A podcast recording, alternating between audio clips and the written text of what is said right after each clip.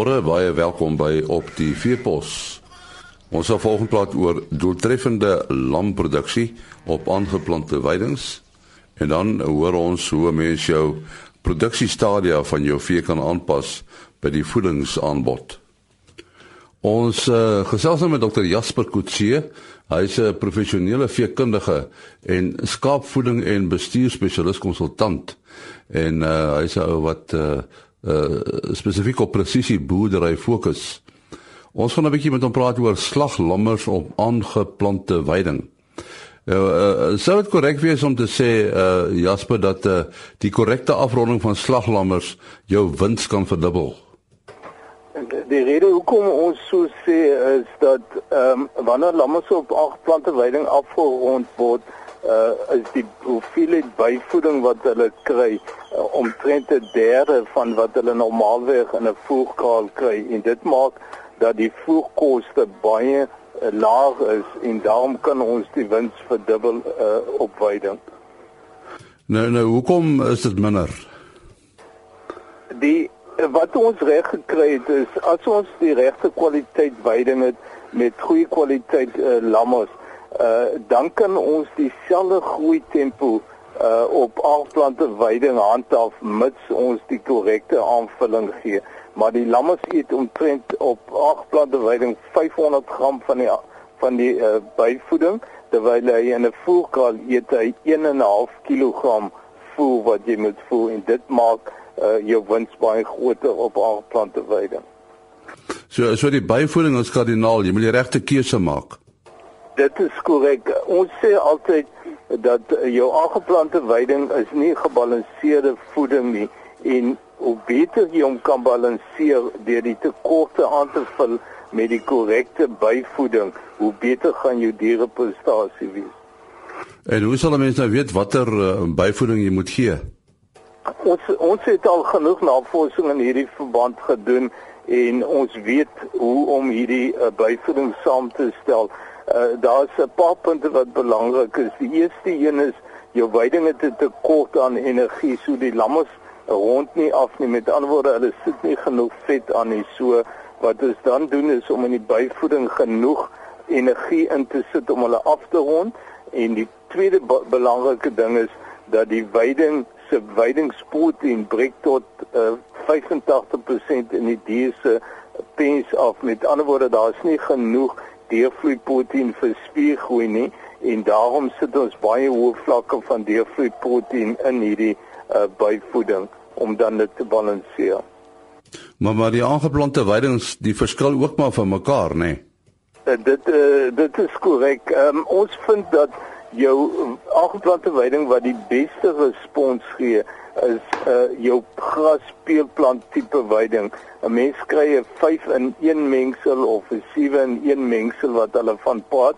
Uh, dit is dan 'n mengsel van 5 uh, uh, of 4 soorte grasse en dan 2 klawers uh, wat ons gebruik en daai tipe veiding gee beter respons. As jy net grasveiding het, dan moet jy hoë vlakke byvoeding gee om die tekorte aan te vul. Uh Jasper, is daai iets so 'n ideale lam? Die, die lammes wat ons graag in 'n uh, op veiding wil afrond, is dieselfde tipe lammes wat ons vir die voerkraal soek. So dit moet eers 'n jong lam wees en op veiding moet hy ten minste 35 kg weeg wanneer ons hom op die veiding sit. Anders kan hy nie genoeg veiding inneem nie en hy groei ook nie vinnig nie. En dan soek ons ook uh, lammes uh, uh, ramlammes doen beter byvoorbeeld as uh, ooi lammes omdat hulle hulle eie manlike hormoon produseer en ons soek ook 'n uh, wol vleistipe lam wat ons daar wil afrond want die wolinkomste is ook 'n bron van inkomste op hierdie weide. En uh, miskien uh, het jy so 'n paar handige bestuurswenke uh, vir boere wat jy kan voorstel uh, as ouens hulle uh, lammers op aangeplante weiding wil afrond. Een van die groot uh, probleme wat baie keer op aangeplante weiding wat ehm um, uh, produsente verkeerd doen is om die weiding te gou te begine wy en te kort te wy ons aanbeveling is dat die veiding moet uitgroei tot ten minste 20-25 cm en dan moet hy nie korter as 5 cm gevreet word nie. Anders kan die dier nie genoeg veiding inneem nie. Dit is baie belangrik. En dan die ander ding wat ons aanbeveel is om uh, ook 'n bietjie 'n droë rifoer een kant by te voer want die lamme skry baie keer maagwerk en dit uh, strem dan hulle groei. En dan moet 'n mens natuurlik seker maak dat die lamme geënt is. Hulle moet met 'n multiklostriale instof wat al die clostridium ehm um, stamme uh, insluit geënt word en wat ook pastorella beheer. Uh, en uh, dan moet ons ook sorg uh, dat die lamme ehm um, uh, spole met aanvulling ook ontvang. Dis omtrent die paar belangrikste punte waarna ou moet kyk. Ja, net 'n laaste opmerking in in die huidige droogte wat ons beleef. Hoe belangrik is aanvullings nou vir skape? Die belangrike ding wat in nou moet 'n gedagte hou is dat indien jy jou reproduserende ooi, met ander woorde jou ooi uh, wat moet gepaar word en ook oeye wat nou gelam het, indien hulle byvoeding nou afgeskep word, gaan jy volgende jaar wanneer die oeye moet lam, gaan jy laer lampresentasie kry. En dit is juist die tyd wat jy jou onkoste moet terugbetaal en dan kry jy nie lammers aan nie. So daar moet toegesien word dat oeye 'n maand voor paartyd goeie byvoeding kry en die eerste 2 maande na lam is baie belangrik om die daaropvolgende lampresentasie te verhoog. So die die die soort byvoeding, uh, dit is nou waar jy inkom nê nee, met met raad en advies om vir boere te sê watter soort byvoeding hulle moet gebruik. Uh dit is korrek want jy kan nie enige tipe byvoeding gee nie. Die uh, as jy mens nou kyk dat die droogte word nou gespesifiseer dat die produsente kan net mielies en afrondkorrels koop en dit is nie die regte byvoeding vir prikkelvoeding en vir lakterende oeye nie. Jy gaan probleme kry. So daarom moet jy seker maak dat jy die regte byvoeding gee om jou uh, om koste-effektief te wees. Jasper, jou telefoonnommer? Uh, 076 846 8800 Daar is die nommer 0768468800. En dit was aan Dr Jasper Kutse wat gesels het oor byvoedings en skaapafronding. Ons uh, gaan nou gesels met uh, professor Dietmar Holm van die Universiteit van Pretoria, die departement veeartsenykunde by Onderste Poort en ons praat met hom oor uh, die hele kwessie dat mense voedingsbronne by koeie se produksiesiklusse moet aanpas. Uh wat bedoel jy presies met met hierdie uh stelling uh, as jy sê dat 'n mens voedingsbronne by die produksiesiklusse moet aanpas uh, dit maar?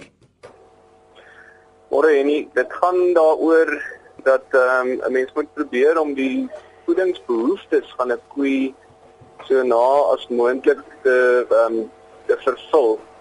So koeie het verskillende voedingsbehoeftes op verskillende produksiestadia en dit is redelik goed bekend. Die voedingsbehoeftes is ehm um, redelik akkuraat al nagevors vir 'n koe wat dragtig is byvoorbeeld en 'n koe wat lakteer of melk produseer.